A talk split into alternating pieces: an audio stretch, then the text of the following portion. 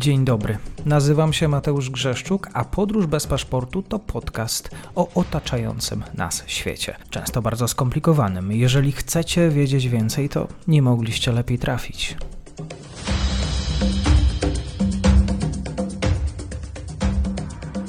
Partnerem odcinka jest Oanda, TMS Brokers, dom maklerski obecny na rynku już od ponad 20 lat. W opisie odcinka znajdziecie link do aplikacji, której możecie otworzyć konto maklerskie i grać na giełdzie, a wcześniej potrenować na koncie demonstracyjnym. Jeżeli otworzycie konto za pośrednictwem tego linku, dostaniecie na start książkę o tematyce inwestycyjnej. Zapraszam, Mateusz. Dzień dobry Państwu, dzień dobry wszystkim słuchaczom. Cieszę się, że dzisiaj ze mną Rafał Michalski, ekspert do spraw polityki amerykańskiej. Kłaniam się.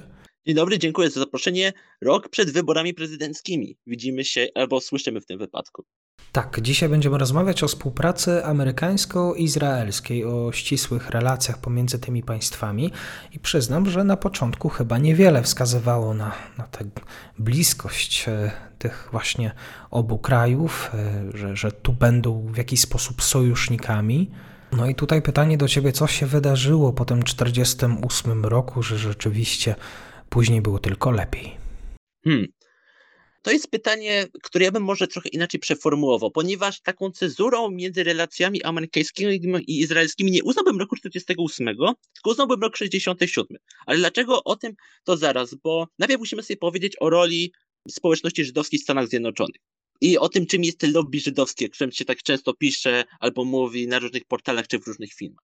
Ponieważ amerykańscy Żydzi byli od zarania dziejów państwa amerykańskiego bardzo mocno zjednoczeni. To znaczy mieli taką silną wspólnotową tożsamość. Do XIX wieku to była grupa około 10-15 tysięcy Żydów, których moglibyśmy nazwać taką wspólnotą żydowską, wspólnotą polityczną, jakkolwiek. To między innymi ten temat powrotu Żydów do Ziemi Świętej, on, o nim się bardzo dużo pisało w prasie, było wydawane w połowie XIX wieku i takim przełomem dla dla tej mniejszości, to był rok 1914 i to było zaangażowanie Lu Louisa Brendesa. Louis Brendes to my go dzisiaj znamy głównie albo z faktu bycia sędzią Sądu Najwyższego Federalnego, po pierwsze, albo znamy go, to, to już bardziej prawnicy znają go z koncepcji nowoczesnego prawa do prywatności, jaki on wprowadził do praktyki orzeczniczej w Stanach Zjednoczonych na początku wieku XX. Ale Louis Brandes był tak naprawdę ojcem współczesnego ruchu sionistycznego.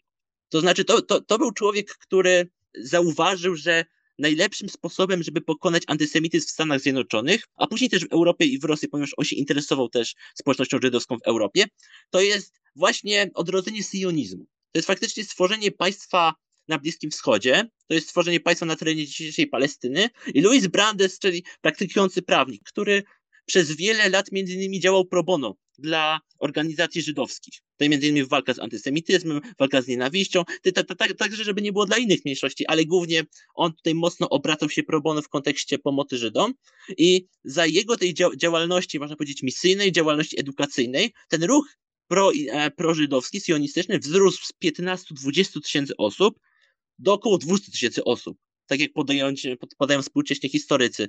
Tam w 1918 rok około 210 tysięcy ludzi, których możemy nazwać takim współczesnym, nowoczesnym ruchem sionistycznym.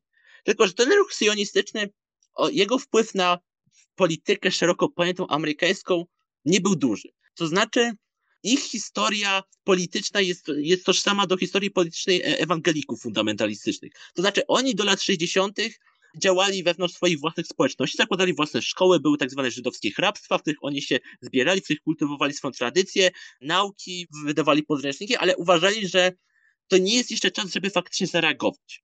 To były lata 20, lata 30, lata 40. I pierwsze takie uderzenie dla społeczności amerykańskich Żydów to był rzecz, rzecz jasna Holokaust. To było, kiedy oni się zorganizowali, kiedy stwierdzili, że faktycznie trzeba pomóc na, na, brać ale już wcześniej te sygnały płynące z Europy docierały do Stanów Zjednoczonych? Ten klimat wokół sprawy żydowskiej? Docierał do Stanów Zjednoczonych, tylko że tylko my tutaj rozmawiamy o faktycznym wpływie na politykę Stanów Zjednoczonych. A to mhm. znaczy, oni jej nie osiągnęli do lat 40. To znaczy, oni się faktycznie pisało w prasie żydowskiej. Pisali e, reporterzy, którzy byli wysyłani do Europy. Była, była świadomość tego, co się dzieje.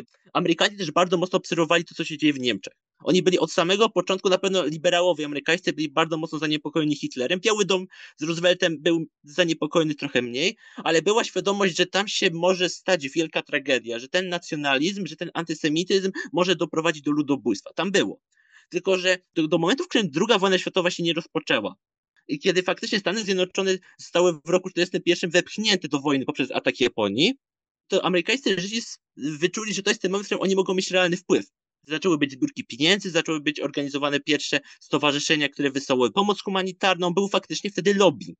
To jest rok 48 I, i, i dlatego mamy później rok, rok 48, bo to jest ten pierwsza fala ruskiego wpływu na politykę Stanów Zjednoczonych. Tylko, że to nie jest najważniejszy moment. Ponieważ kiedy w 1948 roku oni uzyskali, prawda, jeden kamień milowy, to był, był jeszcze drugi problem. I tym drugim problemem był amerykański izolacjonizm i amerykański pacyfizm. Ponieważ z jednej strony, tutaj musimy trochę odbić od tematu, ale to jest istotne. Ponieważ kiedy Franklin Delano Roosevelt został prezydentem, to opozycja republikańska, opozycja konserwatywna uważała, że Nowy Ład, New Deal, to jest program nie tylko gospodarczy, nie tylko ekonomiczny, ale oni uważali, że New Deal to jest program, to, to jest filozofia polityki. To jest rozszerzanie władzy wykonawczej na różne sfery działania państwa prawda? Że oni widzieli Roosevelta jako człowieka, który poprzez te zmiany ekonomiczne chciał, żeby, żeby władza prezydencka była szersza i szersza. I tym się republikanie, e, i przed tym republikanie ostrzegali, przed tym między innymi pisał Niebur w swojej pracy o ironii amerykańskiej historii, to jest to, że, że ten no, nowoczesny amerykański socjalizm to jest, e, to, to, jest ruch, który będzie się wywodził od polityki socjalnej. I dlaczego to jest istotne? ponieważ oni uważali, że wejście Roosevelta do II wojny światowej, a później kontynuacja polityki Trumana, to był właśnie element New Dealu. To jest oni postrzegali, że, e, że polityka bardzo aktywna w Europie to jest kolejne narzędzie do rozszerzenia władzy wykonawczej. No dlaczego? Bo chociażby Roosevelt mógł dokonać zmian gospodarczych, mówiąc, że to dla produkcji broni, ale to już był wpływ centralny na gospodarkę. Były chociażby e, obozy dla e, osób pochodzenia japońskiego. To też było rozszerzenie władzy wykonawczej bezprecedensowe, tak naprawdę do, do, do prezydentury Johna Adamsa. I dlatego amerykańscy Żydzi w roku 1948, mimo że uzyskali pewne korzyści dla, dla istnienia swojego państwa, to nie mogli znaleźć do, do poparcia politycznego, ponieważ po jednej stronie mieli izolacjonistów republikańskich, którzy jeszcze, na, jeszcze w tym momencie wiedzieli, że, że nadchodzi zimna wojna, ale jeszcze nie potrafili ukonstytuować swojej nowej polityki zagranicznej, która, i to się stanie w roku, w roku 52, kiedy Eisenhower zostanie prezydentem. Eisenhower, który też przecież zaczynał od podejścia izolacjonistycznego. To też był człowiek, który w roku 4, pod koniec lat 40. lobbował za współpracą ze Związkiem Radzieckim. Więc ta zmiana dokonała się dopiero na przełomie lat 40. i na lat 50. A z drugiej strony byli, a z drugiej strony byli demokraci, którzy również przechodzili swoje własne wewnętrzne zmiany. To jest, oni faktycznie wyszukali swojej własnej tożsamości po odejściu Roosevelta. Truman, można go doceniać za wiele rzeczy, ale on tej nowej twarzy demokracji nie potrafił dać, a lata 50. to jest wielki kryzys partii demokratycznej. I tutaj nam wchodzi rok 67, ponieważ rok 67 to jest wojna sześciodniowa. I to był drugi szok dla społeczności żydowskiej, ponieważ okazało się, że na Bliskim Wschodzie są państwa, są grupy, które chcą dokonać znów faktycznie ludobójstwa, chcą zniszczyć ten taki wymarzone państwo Izrael dla każdego amerykańskiego Żyda. I to był drugi moment w historii współczesnej amerykańskiej, w której oni się e, zbudowali stowarzyszenia, zaczęli zbierać ogromne sumy pieniędzy. Są naprawdę historie, w których e, w oddziałach nowojorskich grup żydowskich ustawiały się kolejki po paręset metrów, gdzie stali się po 12-13 godzin, żeby oddać jakąkolwiek pomoc i wysłać na Bliski Wschód. Izrael wtedy wygrał ale wtedy cała klasa polityczna, w tym i republikanie, i demokraci, zrozumieli, że oni muszą być na Bliskim Wschodzie. I to jest właśnie ten moment przełomowy dla relacji amerykańscy Żydzi, a, amerykańska polityka zagraniczna. Ponieważ znów Amerykanie zrozumieli, że ich obecność, ich pozycja siły to jest gwarant pokoju, że oni wiedzieli, że oni muszą między innymi nawiązać współpracę z Egiptem, z Arabią Saudyjską, z Izraelem, dlatego że oni mogą być gwarantem po pierwsze dla, dla siebie korzystnej sytuacji, bo oni też mieli jasne korzyści, chociażby kupowanie ropy, albo ogólnie te stosunki energetyczne, a z drugiej strony mogli właśnie zapewnić swój taką kontynuację polityki imperialistycznej, bo wiedzieli, że jeżeli nie oni, to Związek Radziecki to jest właśnie 67 rok. To jest ten moment, to jest ta tezora, którą ja bym wskazał, bo to jest moment, w którym i demokraci z Lindonem B. Johnsonem pomagają, tworzą kampanię medialną o pomocy Izraelowi w wojnie sześciodniowej i mamy republikanów. Już to, to są te jaskini post-Nixonowskie, już, już niedługo Nixon nadejdzie, już będziemy wiedzieli, jak wygląda jego polityka zagraniczna, ale to też była bardzo aktywna polityka zagraniczna. I, i lata 60. to jest moment, w którym znów izolacjonizm odchodzi. Tak mhm. naprawdę on dopiero wróci w latach 90. A jeszcze chciałem Cię zapytać, bo jeszcze w 1962 roku Kennedy sprzedaje Izraelowi e, systemy rakietowe. Tak. Bo wtedy zatwierdzono kolejne, oczywiście czołgi akurat, samoloty szturmowe. Może już wtedy była taka myśl, już nie w 67, ale już w 62, 3 myśl o tej współpracy wojskowej, gwarancji bezpieczeństwa. To jest bardzo szeroki temat. My kiedyś możemy porozmawiać o Kennedym oddzielnie i o tym, dlaczego jego administracja była bardzo ważna. Ale musimy pamiętać, że to jest John F. Kennedy. To jest człowiek, który, który był przygotowany na wojnę w Wietnamie, który zaakceptował program wojny w Wietnamie. On popierał wojnę w Wietnamie z tego powodu, że on przeraźliwie bał się znów e, imperializmu Związku Radzieckiego. On, on był zwolennikiem podejścia siłowego, co my widzieliśmy w kryzysie kubańskim. To kryzys kubański, kubański to jest idealne, to, to, to jest idealny moment w historii, w którym my widzimy spojrzenie Kennedy'ego na politykę. To jest pójście do przodu, to jest bezpośrednia konfrontacja.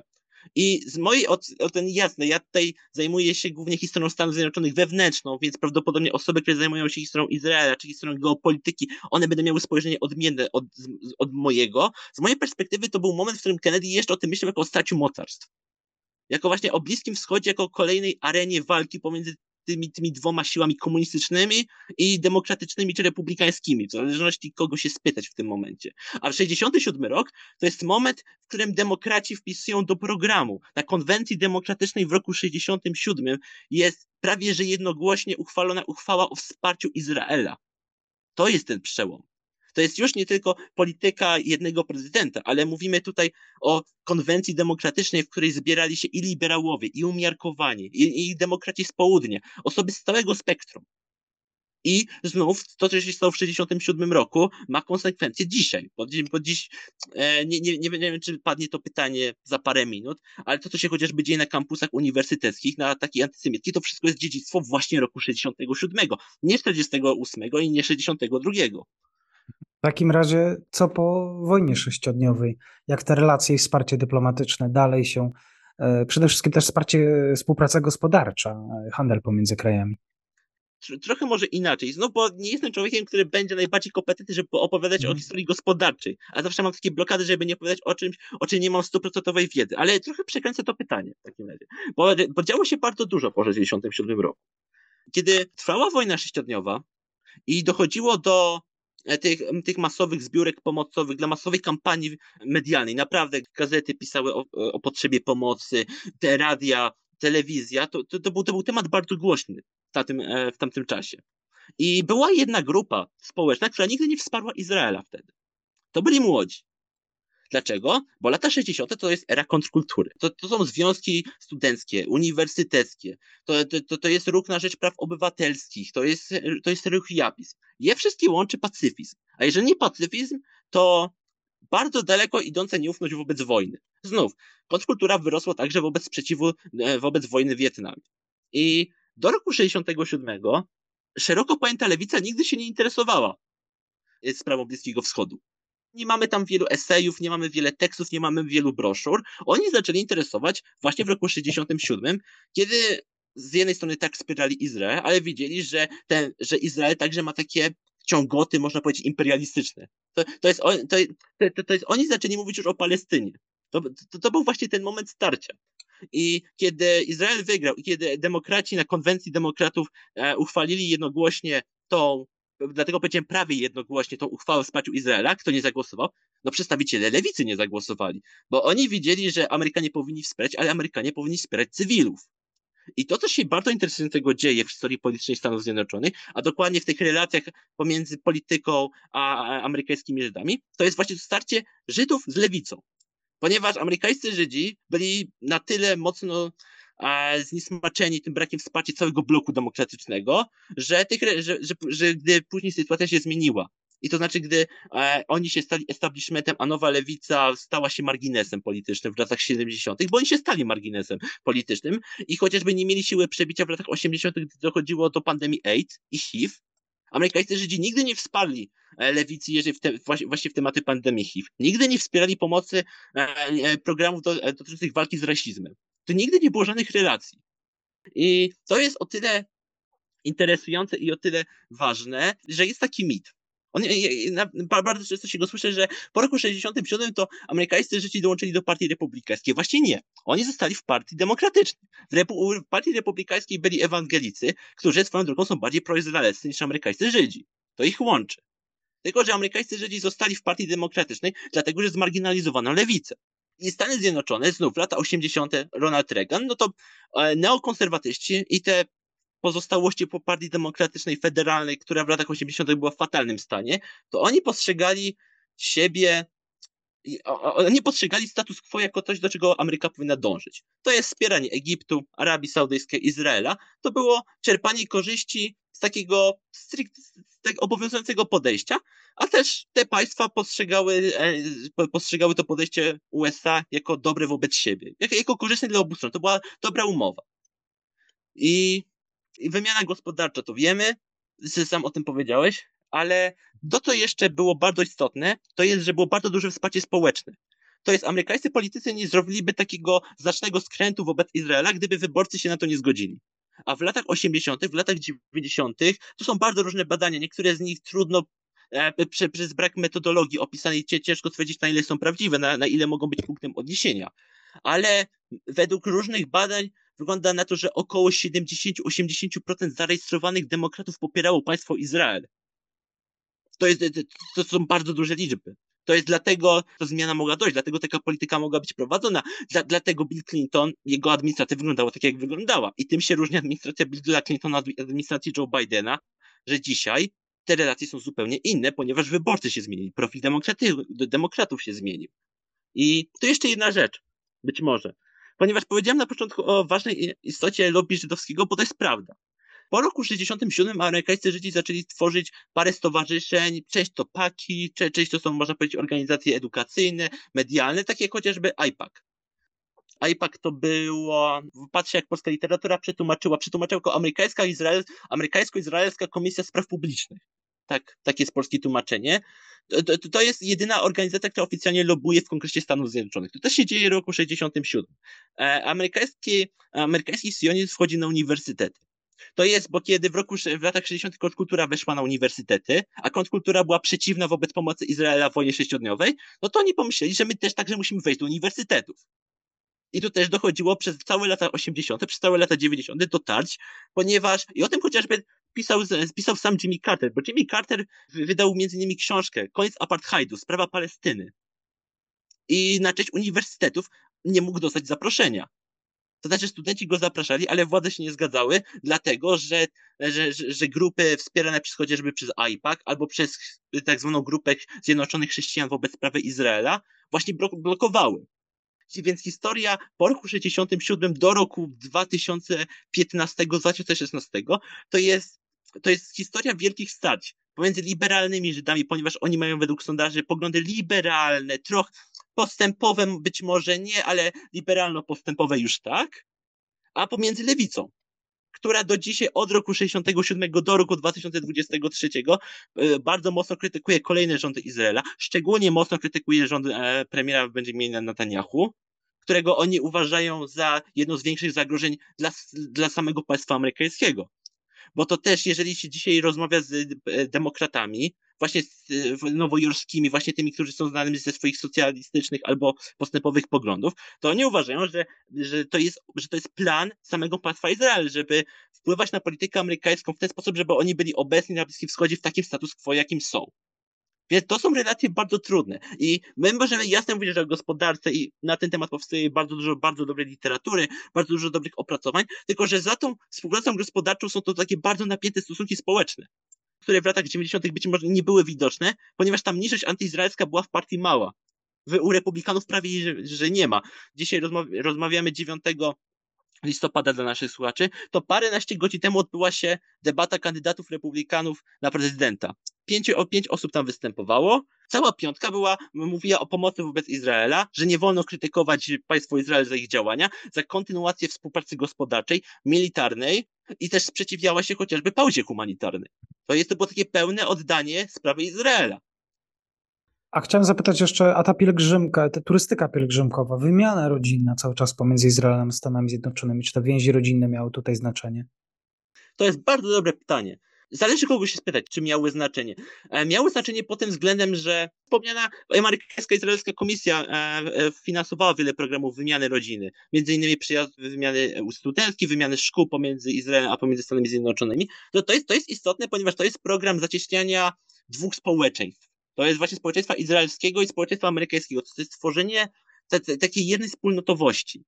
To jest to, co to najlepiej widać właśnie w latach 90. To widać najlepiej z administracji Billa Clintona. To jest moment, w którym Amerykanie w sondażach pokazują, że wierzyli, że społeczeństwo Izraela ma takie same wartości jak oni ale przecież nawet pojawiały się teksty eseistyczne, które porównywały powstanie Izraela do państwa, do powstania Stanów Zjednoczonych. To znaczy ruch rewolucyjny, który oddał władzę ludowi, który przez lata był gnębiony przez te wielkie siły, czy to Brytyjczyków, czy przez siły bliskie wschodnie, ale udało się wywalczyć w drodze rewolucji.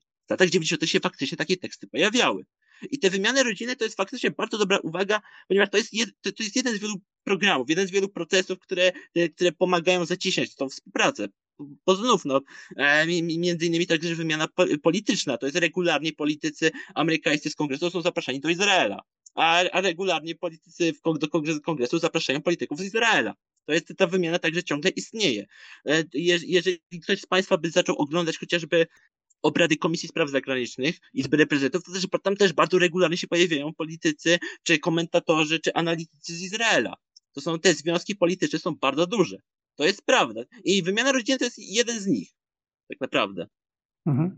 E, jak za czasów y, starego, młodego Busha, też również sam Clinton, obie partie walczyły o głosy i czy właściwie była mowa o jakimkolwiek walce o głosów Żydów, amerykańskich Żydów?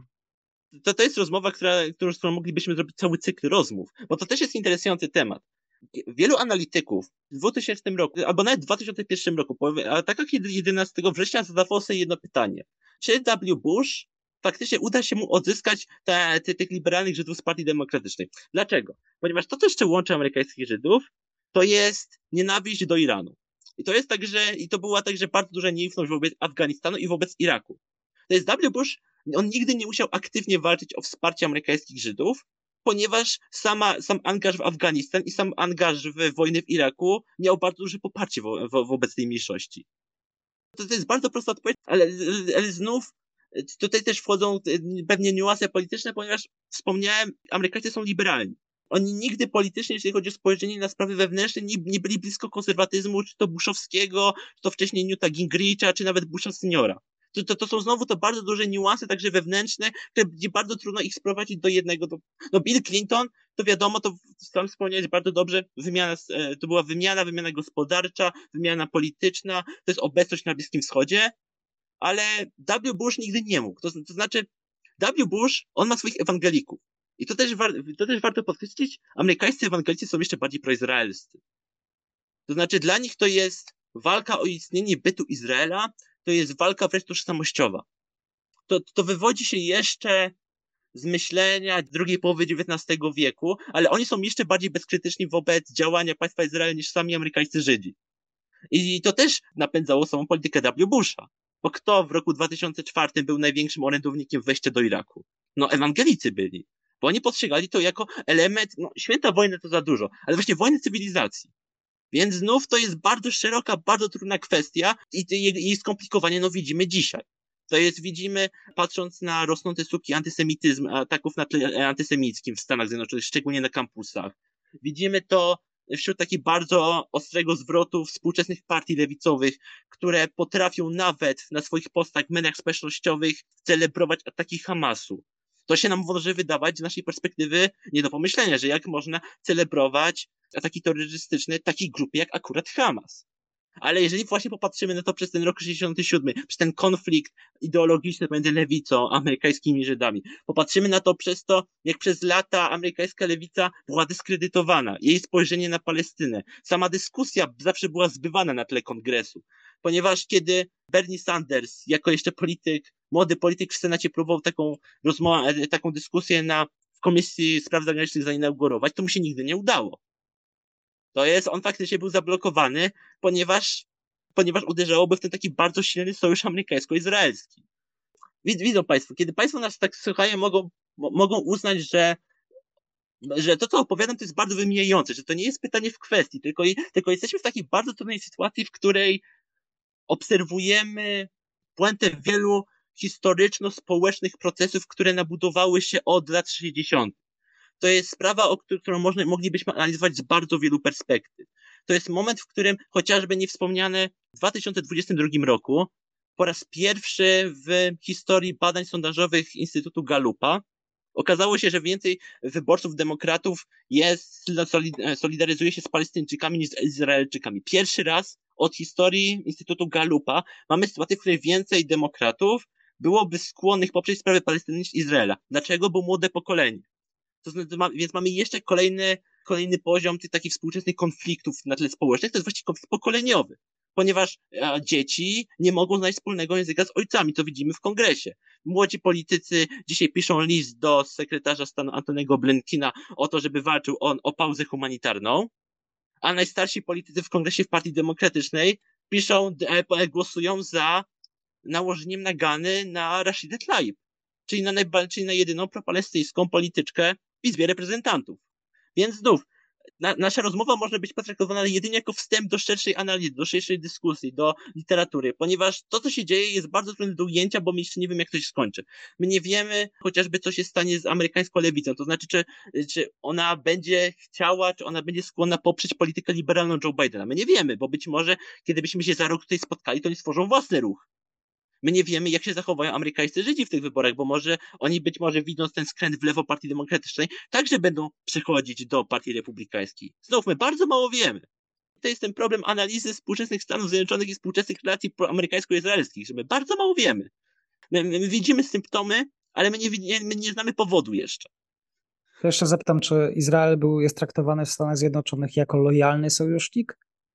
Tak, bardziej. Jak, e, powiedziałbym, że dla republikanów jest traktowany jako prawie że państwo partnerskie.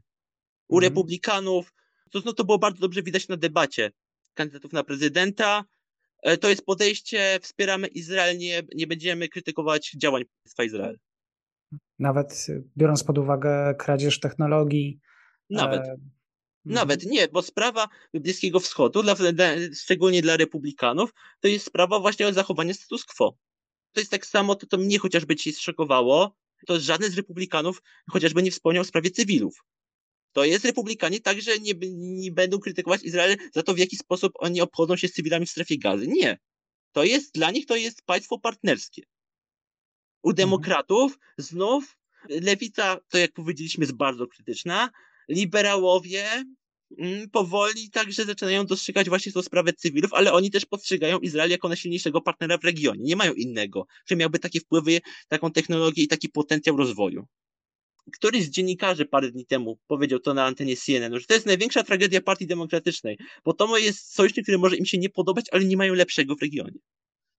Jeszcze słowem, e, tak, e, oczywiście tutaj rodzi się wiele teorii spiskowych, ale gdybym myślę, że w komentarzach słuchacze albo niektórzy z coraz bardziej podejrzliwych stąd będą mówić o, o wpływach lobby wielkich żydowskim, o Żydach nowojorskich, którzy kontrolują politykę amerykańską. Skąd to się wszystko bierze?